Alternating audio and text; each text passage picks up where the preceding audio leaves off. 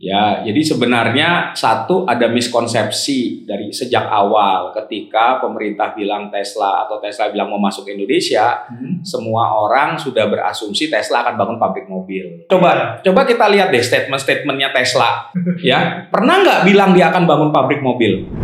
Jadi kalau kita lihat dari sisi pasar penjualan mobil di India jauh lebih besar daripada Indonesia, tapi juga apa? Pemerintah India tuh sudah mengeluarkan policy statement. Kami mau larang nih penggunaan bahan bak, e, mobil berbahan bakar minyak. Nggak boleh lagi dijual e, di jalanan di India mulai 2030 jadi dari sisi future market udah jauh lebih jelas dong orang uh, sementara Indonesia kan ngelarang juga enggak. Mobil listrik juga masih bingung masih ngomong hybrid. Padahal orang sekarang itu udah berpindah ke battery electric vehicle. kita iya. nih masih sibuk oh kita mau hybrid dulu hybridnya mahal pula gitu kan Broadcast. Broadcast. Bernas, luas, dan tuntas. Powered by Business Indonesia.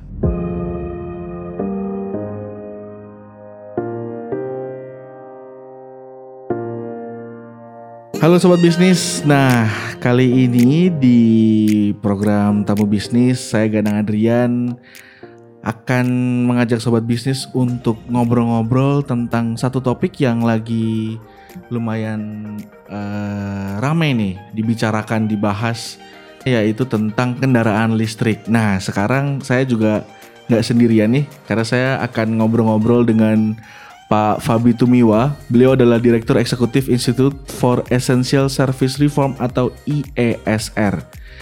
Halo Pak Fabi, apa kabar Pak? Baik, Mas. Apa kabar? Sehat selalu ya, Pak ya. Sehat, sehat.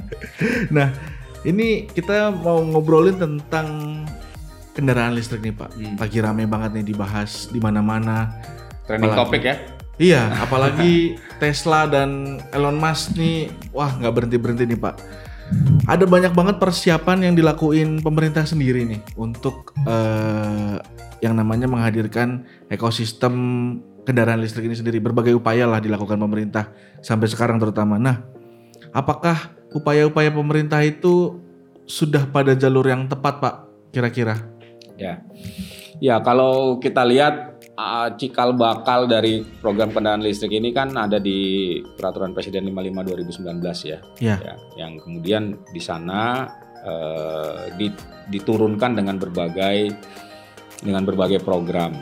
Nah, kalau kita lihat uh, inti in, intinya sebenarnya uh, kita uh, dengan Perpres itu kita ingin membangun satu industri mobil listrik.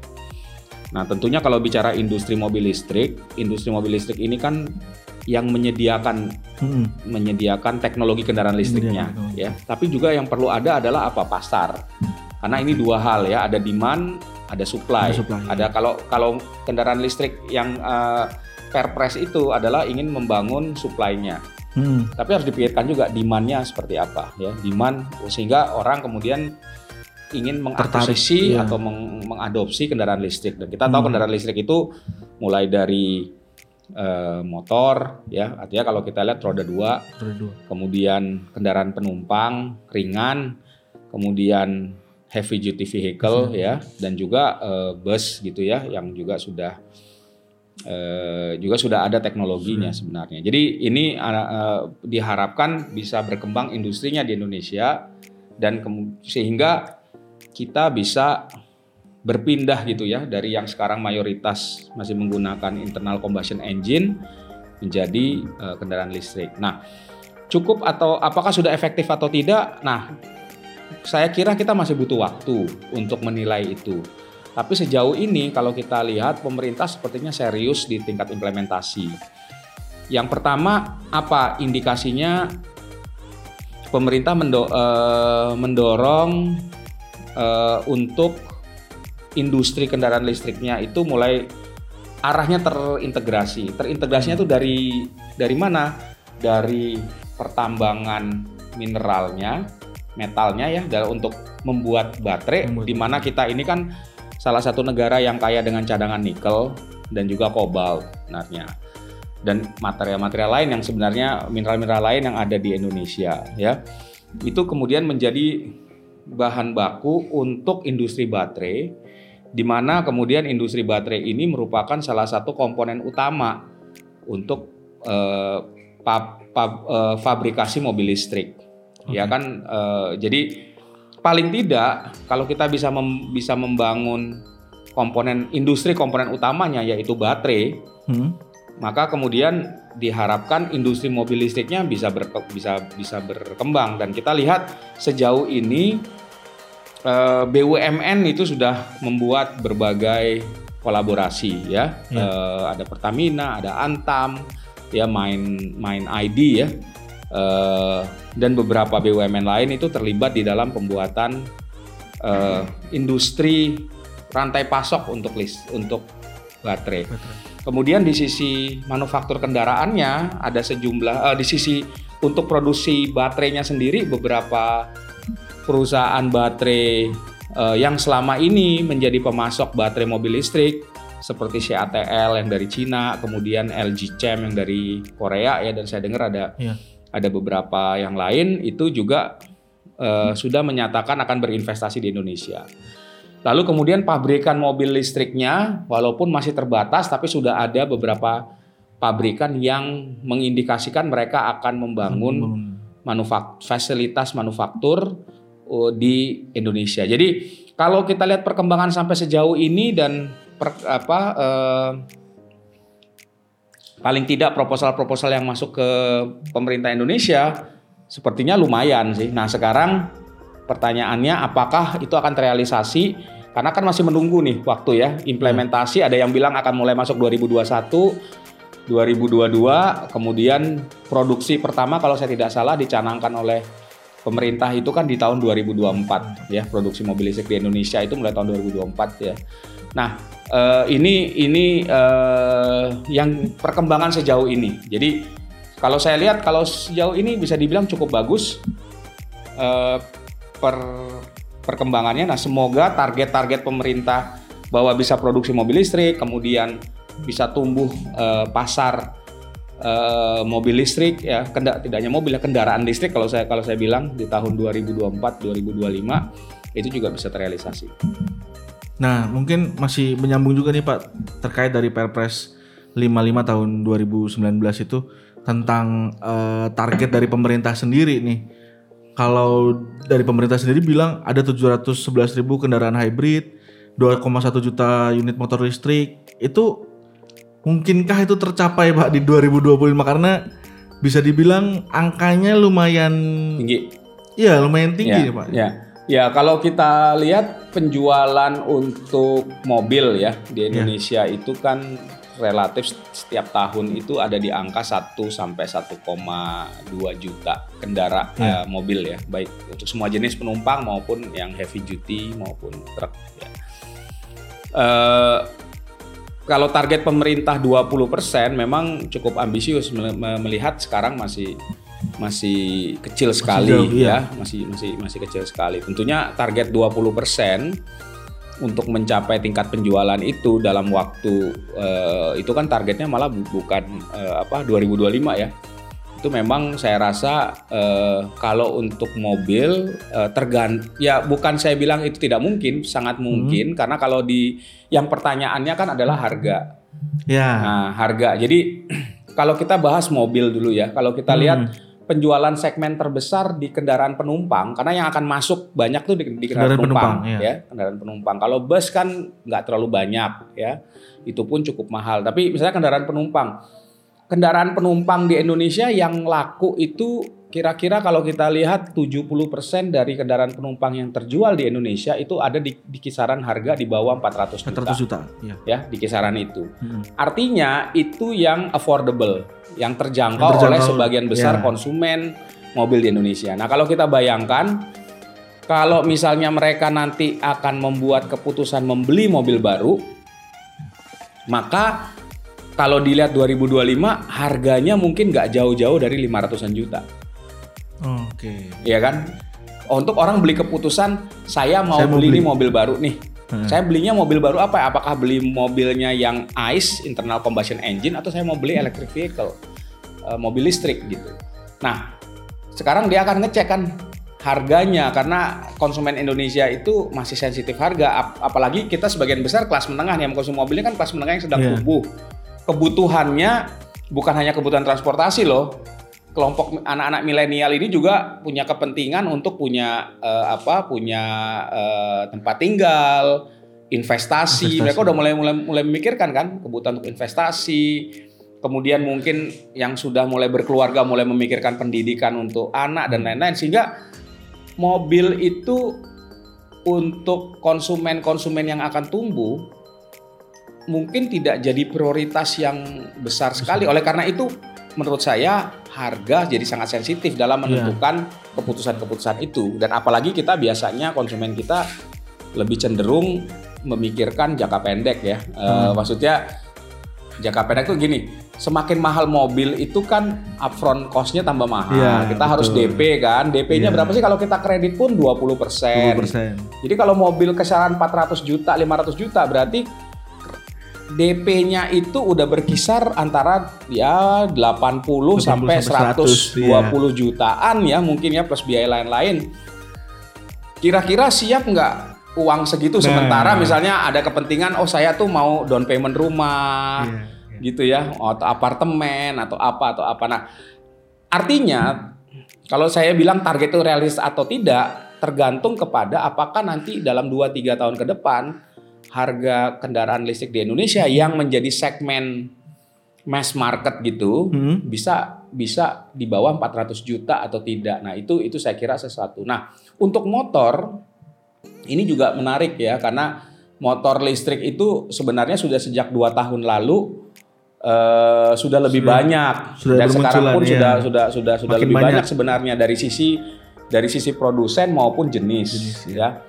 Kalau dari hasil penelitian kami di ISR kita melihat penetrasi roda 2 motor listrik itu jauh lebih cepat dibanding dengan hmm. mobil listrik karena harganya terjangkau. Tapi kuncinya juga adalah uh, menurut saya ad, uh, uh, ada pada uh, untuk apakah teknologi mobil listrik itu masuk ke preferensi konsumen nggak? Misalnya hmm. begini, kalau saya bilang mayoritas sekarang mobil kenda, uh, motor listrik yang beredar ada di pasar. Kalau kita lihat beberapa motor yang sudah ada ya di, hmm. di pasar dengan yang harganya di bawah 20 juta. Hmm. Itu kap, uh, kapasitas mesinnya masih kecil. Masih kecil. Baterainya uh, juga hanya 2 kWh ya dan itu maksimum jarak tempuh 60 km. Terbatas ya. Ya, maksimum kecepatannya speednya 60 km per jam. Kalau kita lihat begini, apakah itu memenuhi selera pasar nggak? Jadi kan kita harus ngebandingin dengan yang yang alternatif. Iya. Ya, apakah kalau kalau hanya jarak tempuh 60 km orang punya range anxiety un, uh, punya range un, anxiety tinggi nggak? Apalagi dilihat polanya misalnya. Hmm. Kalau kita lihat yang bisa membeli mobil listrik itu paling tidak eh, motor listrik itu kan mereka yang ada di daerah perkotaan ya, yang yeah. di mana ketersediaan infrastruktur charging, charging itu lebih banyak, lebih tersedia daripada yang ada di desa-desa kan bayangannya Betul. begitu ya. Yeah. Jadi kalau saya lihat ya sekarang komuter di perkotaan itu kayak apa gitu. Apakah mereka cukup nyaman dengan baterai yang hanya 60 60 dengan jarak tempuh ya 60 km atau dia butuh jarak tempuh yang lain. Nah, jadi sehingga kalau saya bilang dari sisi penetrasi kalau dari dari model kami kita menunjukkan memang penetrasi itu bisa lebih cepat listrik. Tapi kembali lagi ke apakah tipe motor eh, atau kendaraan yang tersedia di pasar memenuhi ekspektasi konsumen nggak untuk dia memilih kendaraan motor listrik bukan motor konvensional hmm, gitu loh ya. maksudnya. Oke oke oke. Nah tadi sempat nyinggung tentang harga juga nih Pak. Mungkin ya. nggak ya. sih Pak dalam target pemerintah di 2025 itu untuk mencapai 2025 itu harganya jadi bisa jadi lebih turun lagi lebih murah, lebih terjangkau lagi gitu untuk masyarakat kelas menengah terutama. Hmm. Apalagi mobil listrik kan sekarang yang beredar aja bisa dibilang harganya di atas kisaran 400 jutaan kan. Ya. Kalau saya melihat dengan harga sekarang ya yang paling murah itu motor listrik saya nggak perlu nyebut merek lah ya yeah. tapi ada satu merek tertentu itu yang udah eksis tiga tahun terakhir itu kan harganya kira-kira 16-18 juta ya. di pasar gitu ya. Nah uh, uh, uh, kalau saya lihat penetrasi untuk itu untuk penetrasi sampai minat pasar tinggi saya kira masih belum. Masih Tapi saya bandingkan juga sementara kalau harga beberapa motor listrik dengan jarak tempuh yang lebih bagus, dengan fitur yang lebih bagus, stylenya lebih bagus gitu, itu masih ada di atas harga 25 jutaan. Ya, ada beberapa merek yang saya lihat ada beberapa pabrikan yang sudah mengeluarkan tahun lalu harganya masih di atas 25 jutaan. Jadi kalau harganya masih segitu menurut saya kok enggak terlalu nendang ya buat konsumen. Nah, eh, idealnya harganya itu untuk kalau saya bilang untuk kecepatan yang bisa paling tidak mencapai 100 km per hour top speednya gitu ya. Orang pengen ngebut jadi jangan dianggap kalau pakai mobil kendaraan apa motor listrik itu orang jalannya mau pelan-pelan. Nggak pengen ngebut juga gitu. Kalau cuma 60 km per hour aduh. Apa nggak nendang gitu ya Nah, orang kan pengen punya experience riding yeah. experience tuh ada loh gitu. Jadi selera pas kembali. Orang mau beli produk apa enggak kan market apa uh, market uh, tergantung selera pasarnya. Nah, 100 paling enggak saya top speednya bisa di atas 100 km per hour. Kemudian paling tidak minimum menurut saya ya uh, dia bisa menyempuh menempuh jarak 100 km 100 per hour dan 100 km eh 100 km sekali charging gitu ya. Dan ini sepertinya uh, relatif uh, untuk warga yang commute misalnya dari kalau kita ambil lah kota-kota besar di Jawa ya yang tinggal di Bekasi masuk ke Jakarta atau tinggal di Bogor masuk ke Jakarta ini kan mereka lebih merasa nyaman yeah. ya. Aslinya gini ada satu fenomena kenapa saya katakan gitu? Karena untuk mereka yang biasanya pakai kendaraan listrik ada fenomena atau um, sit, uh, kesan yang ya fenomena yang namanya range anxiety jadi kecemasan terhadap jarak tempuh. Saya tuh nyampe nggak ya kalau iya. saya listrik gitu ya. Ya jadi orang tuh semakin besar kapasitas baterai, dia pasti lebih nyaman. Lebih dan nyaman. memang orang harus merencanakan perjalanan. Iya. Jadi dia bisa merencanakan dan itu artinya kalau saya bilang ya ke depan yang jenis motor listrik yang harus masuk pasar itu ya paling tidak dia bisa speed tadi 100 km per hour, kapasitas baterainya bisa lebih dari 100 uh, km per charging gitu ya dan tentunya harganya bisa di bawah 20 juta. Oke. Okay. Uh, untuk penetrasinya lebih cepat lebih dengan cepat. kemudian target pemerintah yang 2,1 juta. Uh, itu karena kalau 2,1 juta itu kan kira-kira juga 20 25 persen dari total motor terjual kan iya. Indonesia yeah. kan karena kita menjual motor tuh enam enam setengah sampai 7 juta uh, motor terjual. Jadi kalau katakan ngambil segitu ya memang itu uh, 2,1 juta penjualan uh, pada tahun 2025 artinya paling nggak setiap tahun itu mulai dari 10% 15 sampai 20% per tahun yeah. untuk 4 5 tahun ke depan. Tahun ke depan. Nah, itu itu saya kira tantangan. Nah, apakah bisa uh, bisa sebenarnya membuat dengan kalau hitung-hitungannya ya, hmm. kalau membuat harga motor dengan uh, dengan yang tadi spek yang tadi saya katakan hmm. di bawah 20 juta kemungkinan bisa. Saya ambil contoh saya kita cek misalnya jenis-jenis motor listrik yang beredar di Cina maupun di India. Untuk motor listrik yang di Indonesia yang tadi saya katakan harga 16 sampai 18 juta, kalau kita cek harga di India untuk spek yang sama, ya itu baterainya intact ya, tidak swap ya, hmm. tidak swap baterai okay. ya. Harganya antara 9 sampai 10 juta. Jauh, ya. lumayan jauh ya. Nah, kalau yang bagusan bagusan sedikit, apa kapasitas engine-nya lebih besar, ya terus kemudian yang jarak tempuhnya lebih panjang hmm. itu bisa di antara kisaran 15 jutaan. Ya, 16 juta gitu. Jadi uh, tapi itu di India gitu. India. Di Cina juga more less hampir-hampir mirip harganya. Tapi kan Cina ngembangin motor listrik itu udah lama ya, udah hampir 15 20 yeah. tahun. Uh, di Indonesia bisa nggak? Menurut saya sih bisa juga, tapi memang memerlukan banyak intervensi pemerintah. Uh, Uh, tapi itu yang yang harus dipikirkan kalau mau mencapai target itu ya. gitu. Gitu kira-kira. Nah, mungkin uh, sobat bisnis juga banyak yang yang bisa dibilang sampai sejauh ini membandingkan nih Pak nih. Seberapa hemat sih emangnya kendaraan listrik dibandingkan kendaraan fosil? Emang kalau saya bicara sebagai awam nih Pak. Ya. emang perbandingannya sejauh apa sih Pak kendaraan listrik dengan kendaraan fosil bicara tentang mobil atau motor gitu se seberapa hemat sih Pak dan seberapa menguntungkan untuk konsumen terutama? Ya. Jadi kalau kita bicara mobil dulu ya. Mobil. Yang kita tahu itu ya paling mobil listrik itu yang pertama karena karena mobil listrik ini bagian yang bergerak, uh, yang bergerak itu sedikit ya komponennya hmm. lebih sedikit daripada ICE yeah. Uh, apa uh, mobil konvensional konvensional ya. dia lebih sedikit kedua dia uh, sifatnya memang kan uh, compact ya dia kan komponen utamanya itu baterai mesin listrik, mesin listrik. sama uh, apa uh, sistem penggeraknya doang Penggerak. gitu ya uh, power converternya gitu ya dan sistem penggeraknya. Tapi itu kira-kira. Nah, uh, jadi kendaraan listrik itu dia tidak memerlukan perawatan seperti kendaraan konvensional. Dia nggak perlu tuh bawa ke apa, bawa ke bengkel, ganti oli, kan nggak pakai oli. Iya.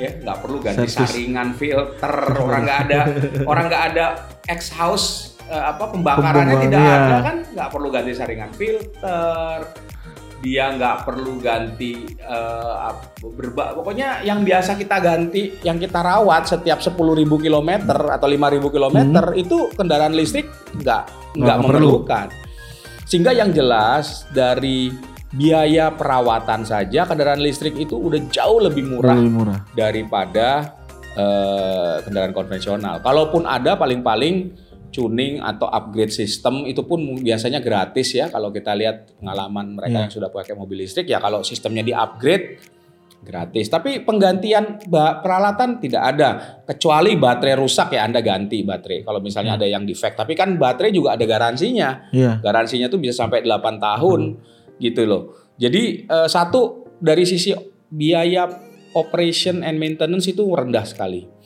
yang kedua, eh dari sisi maintenance ya. Yang kedua dari sisi biaya operasi, biaya bahan bakar. Kalau kita pakai mobil ICE, katakan eh, yang paling bagus sekarang 1 liter 10 km. 10 km. Katakanlah kita pakai harga BBM sekarang berapa di Indonesia? Sekitar 9 ribu 9 ribuan ya. Katakan ya 10 ribu deh. 10 ribu, ya. ya. Jadi kalau kira-kira jarak tempuh satu kilometer kita menghabiskan berapa tuh? Kan kira-kira seribu rupiah, per kilometer dengan harga BBM sepuluh ribu ya, katakanlah. Nah sekarang ini pengalaman dari yang sudah pakai mobil listrik hmm. itu kalau dengan harga listrik hari ini dia per kilometernya bisa di bawah 100 eh, di bawah 160 rupiah per kWh. Oke. Okay. Gitu.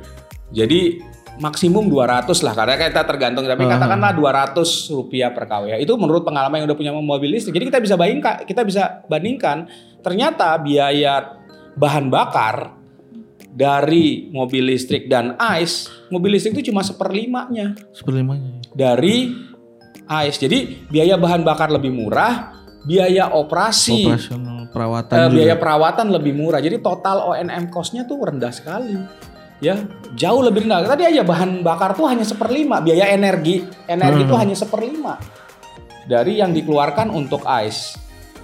Ya, uh, ya itu situasinya. Uh, jadi uh, ya memang jauh lebih hemat sih kendaraan. Saya kira untuk motor juga hal yang sama. Motor juga hal yang sama jadi. Nah, sekarang kita bicara ke Tesla nih Pak yang hmm. akhir-akhir ini dibicarakan karena akhirnya nggak memilih Indonesia sebagai uh, tempat buat bikin pabrik kendaraan listriknya nih. Alasannya salah satunya karena environmental, social, and governance-nya atau ESG-nya itu tidak ramah di Indonesia. Nah, menurut Bapak sendiri, apa sih yang harus diperbaiki atau itu mungkin salah satu bagian dari strateginya Tesla supaya udah bikin baterai listrik aja di Indonesia nih, sedangkan pabrik kendaraannya pilih di India gitu. Yeah. Ya, jadi sebenarnya satu ada miskonsepsi dari sejak awal ketika pemerintah bilang Tesla atau Tesla bilang mau masuk Indonesia, hmm? semua orang sudah berasumsi Tesla akan bangun pabrik mobil. Asumsinya langsung ke pabrik Asumsi mobil. mobil kan? Coba yeah. coba kita lihat deh statement-statementnya Tesla ya pernah nggak bilang dia akan bangun pabrik mobil? Padahal cuma bilang mau ke Indonesia Cuma doang. bilang kita mau lihat Indonesia. Tapi nggak pernah bilang kan mau bangun pabrik iya, mobil. Bener -bener. Ya kan semua orang begitu Tesla mau masuk Indonesia, masuk berita, oh gue bangun pabrik mobil. Padahal Tesla itu nggak cuma perusahaan mobil. Iya. Iya kan? Tesla itu makanya saya tidak heran gitu loh ketika dia hmm. bilang seperti itu. Misalnya Tesla itu selain dia bikin mobil, dia itu juga bikin energy storage system. Dan Tesla itu sudah jauh-jauh hari punya produk untuk energy storage system. Jadi baterai penyimpan energi hmm. itu udah lama mereka punya hmm. dengan merek apa? Satu Powerwall Okay. Ya bahkan Powerwall-nya udah udah seri kedua nih sekarang hmm. yang diluncurkan dua tahun lalu kalau nggak salah. Dan Power Pack. Jadi kalau Powerwall itu untuk yang skala kecil, yang Power Pack itu utility scale uh, energy storage system. Jadi uh, uh, menurut saya ya bisa-bisa saja karena baik Powerwall maupun Power Pack itu punya potensi pasar yang cukup besar dan hmm. ini adalah teknologi energy storage itu adalah teknologi yang sangat penting ya dalam kalau kita bicara hari ini transisi energi hmm. menuju sistem energi bersih ya di mana lebih akan lebih banyak pembangkit yang namanya variable renewable energy seperti angin dan surya itu akan masuk ke sistem energy storage system itu sangat berperan dan sebenarnya Tesla itu juga sudah punya produk kan uh, rooftop solar yeah. karena dia udah mengakuisisi Solar City beberapa hmm. tahun yang lalu jadi kalau menurut saya uh, nggak enggak aneh sih dan memang kami kami lihat memang sejak awal 2019 itu memang Tesla sepertinya melihat potensi energy storage system di Indonesia. Indonesia. Sementara sejak 2018-2019 Tesla itu sudah melihat kemungkinan berinvestasi mobil di di India. India. Sebenarnya kalau kita ikuti ya perjalanan. Jadi India ini nggak bukan sesuatu yang aneh juga gitu.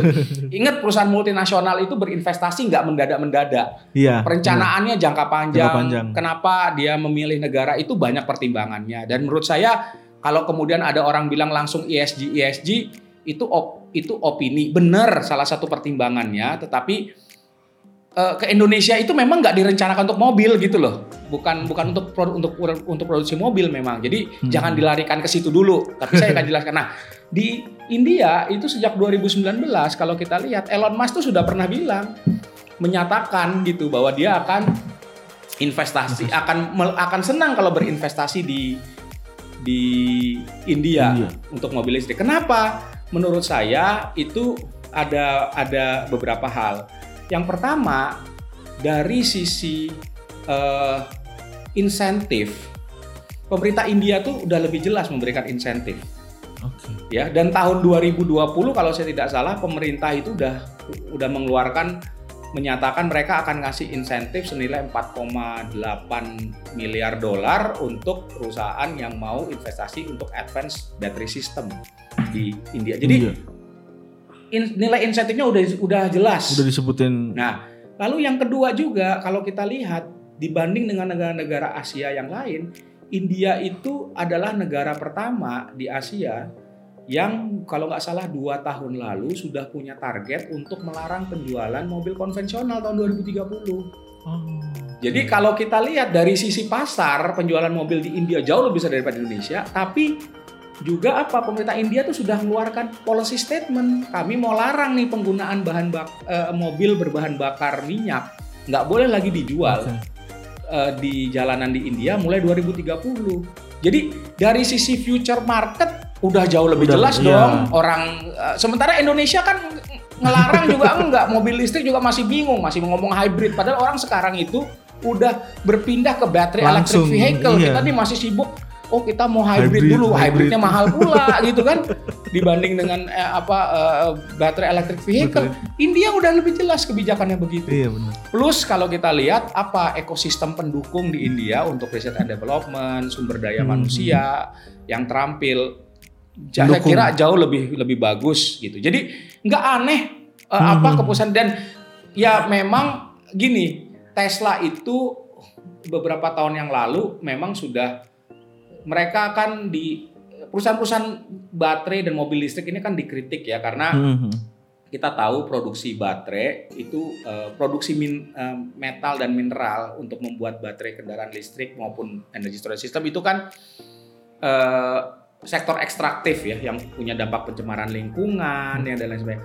Sehingga Tesla itu juga sejak tahun dua tahun lalu satu hmm. dua tahun lalu itu memang sudah mulai keluar dengan inisiatif misalnya inisiatif green nickel hmm. ya dan tidak hanya Tesla itu perusahaan-perusahaan hmm. elektronika lain Apple dan segala macam itu juga sudah mendorong, mendorong. untuk namanya responsible mining gitu ya uh, udah mulai seperti itu green uh, green nickel gitu ya dan dia bilang bahwa untuk memenuhi rantai pasoknya uh, untuk mereka harus benar-benar ramah lingkungan energi yang dihasilkan juga kan untuk uh, refinery itu energinya banyak bener hmm. dibutuhkan ya energinya dia mau energi bersih nggak mau dari energi batu bara nah itu kelebihan India juga kalau kita lihat India oh. itu bauran energi terbarukannya itu besar sekali besar. daripada di Indonesia dan mereka sudah punya target India misalnya 2022 itu lebih dari 200 kira-kira 220 gigawatt pembangkit listriknya itu dari pembangkit energi terbarukan khususnya dari energi surya dan angin. Ya ya selain ada hidro dan lain-lain. Tapi yang gede itu surya dan angin. Nah jadi ini juga yang menjadi menjadi tantangan ya buat di Indonesia ke depan. Seiring dengan investor global itu menekankan pada ESG dan carbon footprint sebenarnya dari produk mereka maka kalau kita ingin menarik investasi-investasi di sisi uh, hulu maupun manufaktur kita harus memati, harus memastikan bahwa pasokan listrik, pasokan energi kita itu sedapat mungkin eh, sebanyak mungkin ya, sebanyak mungkin berasal dari sumber-sumber energi terbarukan yang hijau, hmm. gitu.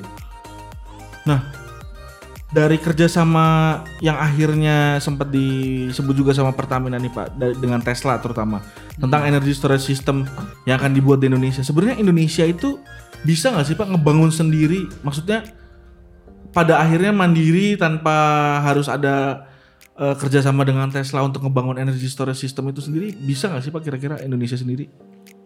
Teknologi energy storage system itu sebenarnya bukan teknologi yang high tech ya, tapi kan memang basisnya adalah teknologi baterai.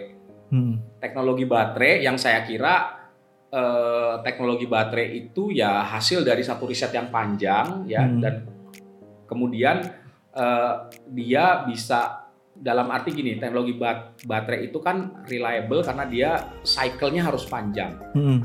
ya Art, uh, cycle-nya artinya bisa dipakai selama uh, lebih dari 10 tahun lah bahkan ini storage system itu diharapkan lebih lebih, lebih dari 10 tahun. Tidak saja itu densitas energinya juga tinggi.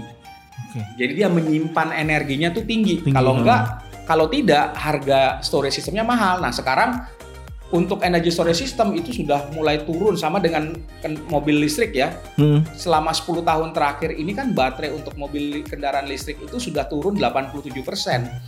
Dari yang tadinya 2009 itu kira-kira 1000 dolar per kWh, hmm. sekarang udah di 157 160 dolar per kWh hari ini udah turun 87 hmm. persen. Nah, yang uh, uh, jadi memang teknologinya ada property proprietary uh, te uh, teknologi yang kita belum menguasai. Nah mungkin uh, beberapa perusahaan baterai sudah punya sehingga dia bisa cycle-nya panjang, densitas energinya tinggi, okay. kemudian biayanya bisa cost efektif karena dia kan uh, saya nggak bilang murah ya karena memang nggak murah juga gitu, tapi dia bisa cost efektif tuh artinya menggunakan mineral-mineral atau metal-metal yang uh, sedapat mungkin itu tidak terlalu mahal gitu uh, uh, itu itu yang itu yang penting jadi ada aspek teknologi jadi baterai teknologinya sendiri menurut saya sih belum banyak dikuasai Oke. Okay. Yang yang yang lain adalah kalau battery storage uh, energy storage system ya di di sistem and untuk energy manage manajemennya energy management sistemnya yang sebenarnya itu lebih ke elektronika ya dan dan saya kira itu mudah. Tapi baterai baterai jadi kerjasama antara misalnya Pertamina dengan Tesla dan lain-lain itu memang eh, ba bagus karena Pertamina ini kalau kita lihat ini kan menurut saya ya salah satu perusahaan yang cukup siap untuk menghadapi transisi energi. energi. Ya dia dia melihat di tidak lama lagi industri eh, kebutuhan minyak dan gasnya, minyak khususnya minyak. itu akan decline ya. Minyaknya akan turun hmm. padahal revenue terbesar kan dari penjualan minyak, Penjual minyak ya, iya. baik hulu maupun hilirnya.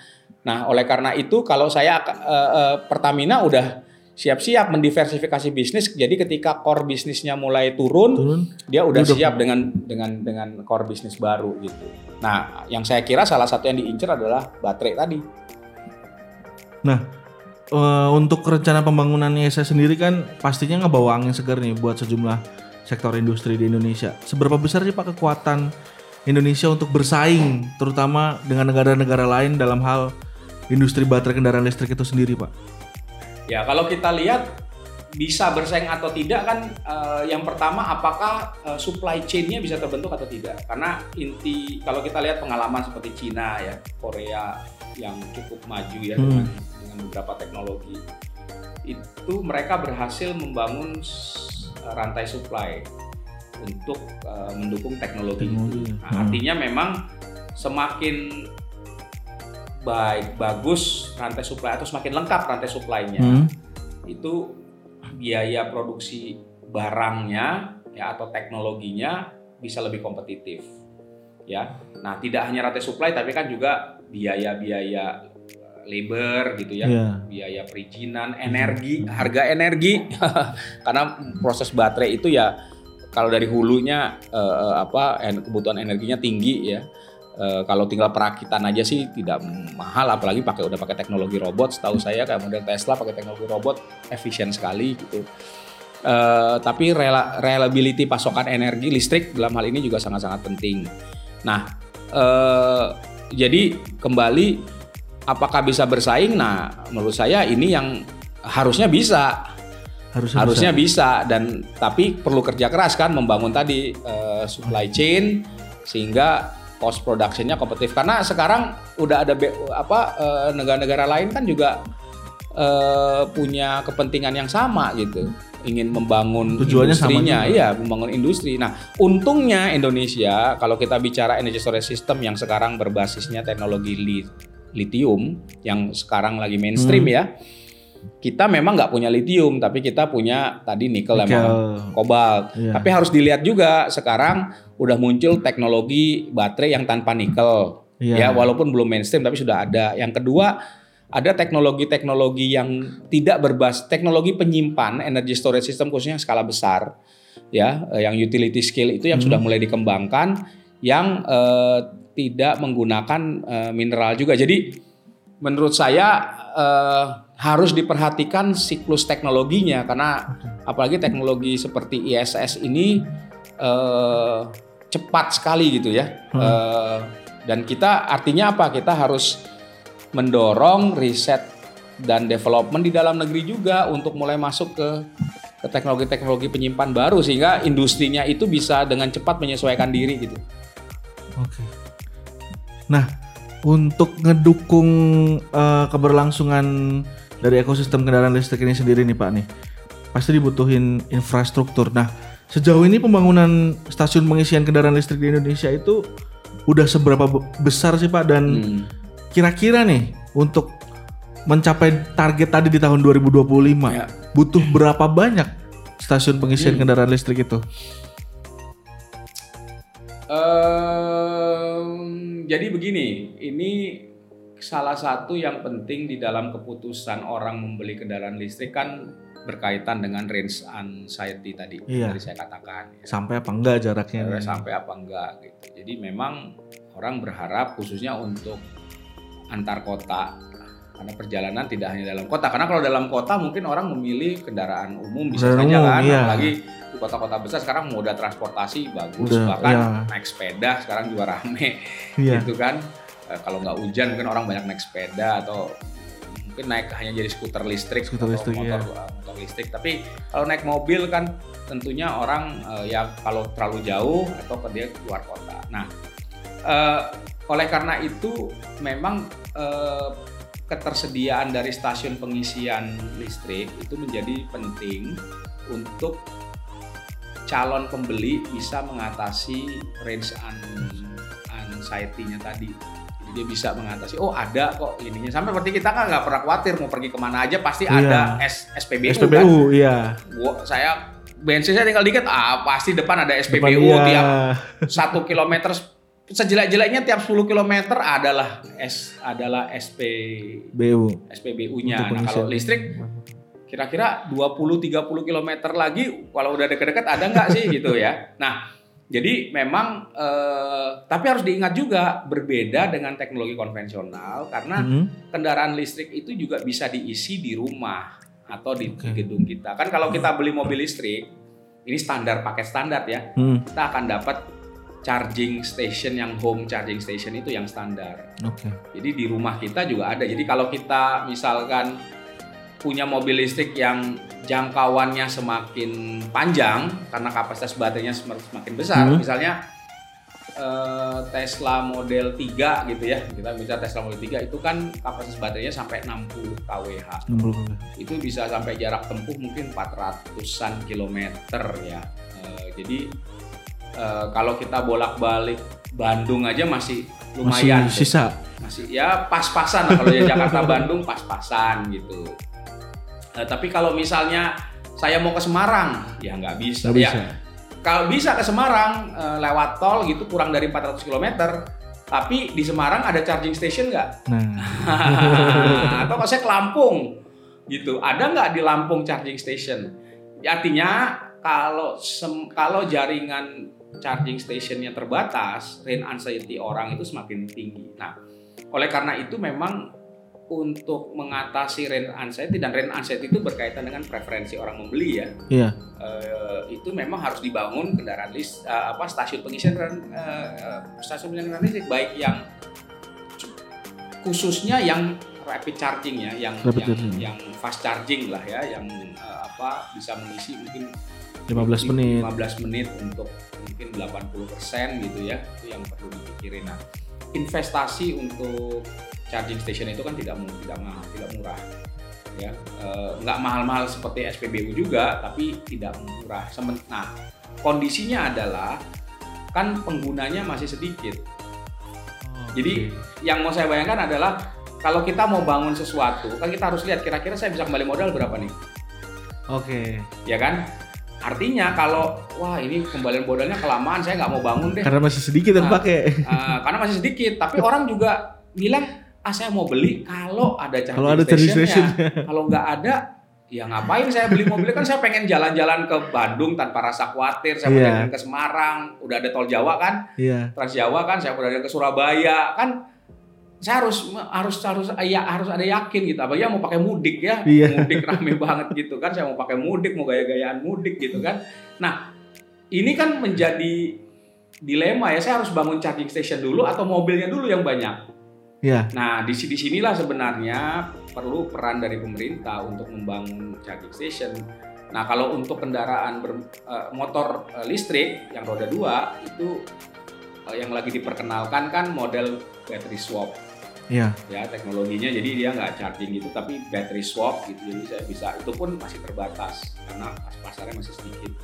Ya, uh, tapi untuk yang mobil misalnya ya itu menjadi pilihan. Nah, berapa yang dibutuhkan uh, tergantung negaranya sih masing-masing uh, yang tadi saya katakan karena pada dasarnya kita bisa mengisi baterai itu uh, di rumah kita hmm. jadi kalau kita ngisi di rumah kita tuh 6 sampai 7 jam untuk yang 50 60 kWh itu kapasitas baterai itu ya itu bisa hmm. penuh tapi sepanjang listrik di rumah kita juga memenuhi dayanya. Hmm. Tapi bisa diisi di rumah kita sih. Jadi kalau kita ngisi di rumah kita dan kalau kita jalan-jalan di dalam kota aja itu kalau saya ngisi yang tadi 50 60 kWh jarak tempuhnya 3350 sampai 600 mungkin baru lima lima hari sekali hari. saya ngisi listrik. Seminggu lah ya, Pak. Ya bisa segitu tergantung jarak tempuh saya kan. Ya. Tapi kalau saya keluar kota kan nggak bisa. Jadi memang ini um, tergantungnya kalau dibilang berapa idealnya ya ada yang satu dibanding 40 artinya satu hmm. charging untuk 40, 40. ada yang satu banding 20 ini uh, tentunya perlu dipelajari lebih lanjut sih uh, berapa besarnya tapi sekali lagi uh, bis uh, mungkin kalau yang mau difokuskan karena chargingnya tadi bisa di rumah, hmm. yang lebih difokuskan itu adalah untuk yang jarak-jarak jauh. Jadi misalnya rencana PLN bangun charging station di jalan tol itu, jalan tol yang Jakarta Surabaya itu, uh, itu menurut saya salah satu yang penting. Hanya sekarang mungkin perlu diperbanyak. Terus misalnya yang Jakarta Bandung gitu ya, hmm. itu juga mungkin di beberapa segmen itu, karena kan orang sering ya komut Jakarta Bandung ya paling tidak ya jadi itu mungkin bisa dibangun terus Jakarta ke Tangerang hmm. gitu mungkin antara itu bisa dibangun lebih banyak uh, stasiun pengisian kendaraan listrik umum yang cepat yang fast charging. Oke, nah untuk produk kendaraan listrik sendiri sekarang makin banyak juga nih Pak buatan dalam negeri yang uh, bermunculan dan juga udah diperkenalkan. Yang juga pastinya jadi nilai jual baru buat Indonesia Pak. Nah kira-kira dalam nyiptain produk ini eh, seberapa kuat sih daya saing Indonesia dengan pasar internasional terutama apalagi Tesla hmm. yang sudah juga dijual di Indonesia kayak gitu seberapa kuat dan eh, apakah bisa juga memperkuat daya jual produk kendaraan listrik Indonesia itu sendiri ke pasar internasional Pak? Ya. Kalau kita lihat untuk kendaraan baik kenda motor maupun mobil ya, hmm. sebenarnya kan e, mulainya itu dari riset-riset yang dilakukan oleh universitas perguruan tinggi dan kita lihat contohnya misalnya Gesit ya dari yeah. ITS bahkan sudah ada yang Molina mobil listrik nasional itu yang diinisiasi 2015 atau 2016 yeah. itu ya uh, itu kan sudah mulai jadi kalau saya lihat sebenarnya kalau dari informasi yang saya lihat sebenarnya beberapa perguruan tinggi itu sudah punya kemampuan untuk memproduksi baik itu mesin hmm. drive trainnya gitu ya uh, sama uh, untuk baterainya juga. Nah, menurut saya kalau ini uh, riset dan developmentnya terus didukung, dan ini kita artinya butuh lebih banyak riset, kemudian aplikasi di industrinya juga tersedia, yeah. Itu kita bisa cepat. Dan saya saya kira saya nggak ragu ya dengan kemampuan ilmuwan-ilmuwan Indonesia, peneliti di Indonesia, mereka pasti bisa kok uh, mengatasi kendala-kendala itu sepanjang memang ada komitmen yang pertama ya dana riset dari pemerintah itu nggak yeah. boleh kurang ya dan terus didorong untuk inovasi-inovasi. Yang kedua eh, kalau mereka sudah menghasilkan barang paten ya itu dipastikan ada bisa diproduksi gitu. Karena kan itu ini kebanggaan tersendiri ya. Yeah. Nah, menurut saya sih kalau yang sudah dilakukan dengan Molina mobil listrik nasional inisiatif yang dikerjakan beberapa perguruan tinggi dan setahu saya ITS itu sudah punya bahkan prototipnya ya Ya, itu kalau tinggal disempurnakan masuk ke mass production, nah di sinilah peran peran pemerintah dan peran BUMN. Jadi kalau kalau tadi mau kita mau buat mobil listrik di bawah 400 juta, menurut saya bisa saja untuk mobil penumpang ringan kecil ya. Uh, dengan dengan dengan dengan tadi uh, uh, yang di yang yang didorong tadi yang produk uh, dari universitas tadi. Nah, uh, untuk itu memang pemerintah bisa memberikan bantuan bantuan dan BUMN ya memberikan bantuan untuk misalnya pemberian pab, pendirian pabrik. Pendirian pabrik. Terus yang kedua adalah kalau udah bikin pabrik ya pasarnya kan harus ada. Ya. Di di mana-mana untuk satu teknologi yang berkembang itu biasanya ada yang namanya market commitment, advance market commitment hmm. ini instrumennya ya. Hmm. Pemerintah bisa buat advance market co komitmen dengan cara ya membeli kendaraan itu misalnya untuk operasional, operasional kendaraan operasional hmm. saya ambil contoh deh misalnya uh, motor ya yang sederhana tuh yeah. motor ya kenapa semua motor pemerintah itu nggak diganti dengan motor listrik motor listrik ya kan kan station charging station bisa dibangun di di setiap instansi yeah. dan itu memungkinkan gitu loh ya itu misalnya kalau kita lihat seluruh Indonesia Pemda itu punya berapa puluh ribu sih. Ribu, iya. Nah, misalnya oke okay ya, bikin pabrik-pabrik ya dari yang tadi riset, hmm. ya beberapa udah masuk ke fabrikasi, kita jamin setiap tahun kita akan beli sepuluh ribu. Terus. Terus gitu. ya. Itu kan mereka udah ngitung. Nah, saya kira dalam waktu 2-3 tahun seiring dengan produksinya berkembang, biaya bisa bisa turun. Bisa Nah, kalau udah turun, harga ke konsumen yeah. retailnya menjadi lebih murah. Sama dengan mobil juga begitu dipakai aja misalnya uh, uh, dorong untuk kendaraan-kendaraan dinas yang ringan ya yeah. Uh, kemudian uh, itu kan tinggal didesain mau dibuat minibus isi penumpang berapa. Yeah. Saya rasa itu itu itu bisa dilakukan. Tapi komitmen pemerintah gitu loh. Okay. Jadi ada industrinya disupport, tapi juga pasarnya Pasar disupport. Nah saya kira kalau ini konsisten dilakukan 2-3 tahun ke depan, 2025 kita bisa punya kendaraan listrik yang lebih terjangkau buat masyarakat dan diproduksi dalam negeri dan diproduksi dalam negeri iya. gitu jadi kita ya bikinlah Cina itu kan eh, perusahaan-perusahaan yang uh, mobil listriknya itu dulunya perusahaan baterai hmm. B, BYD ya salah satu BYD, listrik, um, um, mobil listrik terbesar di Cina itu awalnya bikin baterai dan bikin baterainya itu, itu karena pemerintah Cina awalnya adalah dia ngembangin baterai untuk apa? Untuk bikin motor listrik, motor roda dua. Hmm. Untuk mereka kan mau olimpiade tuh, yeah. udaranya kotor, uh. ya. Lalu kemudian mereka membatasi meng, apa um, motor konvensional. Akhirnya lama-lama nggak boleh lagi masuk kota. Nah, tapi kan orang masih pakai motor, pakai motor masih bisa butuh. mobil. Dibuat tuh motor listrik tahun 2000-an awal itu untuk membersihkan udara rencananya begitu. Nah, yang bikin baterai itu salah satunya BYD. Begitu baterainya sudah tambah murah, tambah murah, hmm. tambah murah, nah mereka ada riset dan development bikin mobil. Mobilnya dipakai untuk apa tadinya? Banyak dipakai untuk taksi. Oke. Okay. Jadi dibuat kota-kota di Cina bikin program kami punya taksi listrik beli sekian puluh ribu, sekian puluh ribu. Bis juga gitu sama. Kita bisa ngelihat model kayak begitu. Jadi nggak ujuk-ujuk orang langsung beli gitu. Nah kita di Indonesia kayak gitu kurang pemerintah berharap langsung ada produk orang beli enggak. Padahal ya kalau kita beli gitu ya bisa terjual sih, tapi nggak cukup cepat iya. penjualannya. Padahal ya, yang kita butuhkan kalau orang mau bangun pabrik kayak model India tadi iya. ada ada kebijakan pendukung. Berani nggak pemerintah larang 2035 kami nggak boleh lagi jual mobil ICE.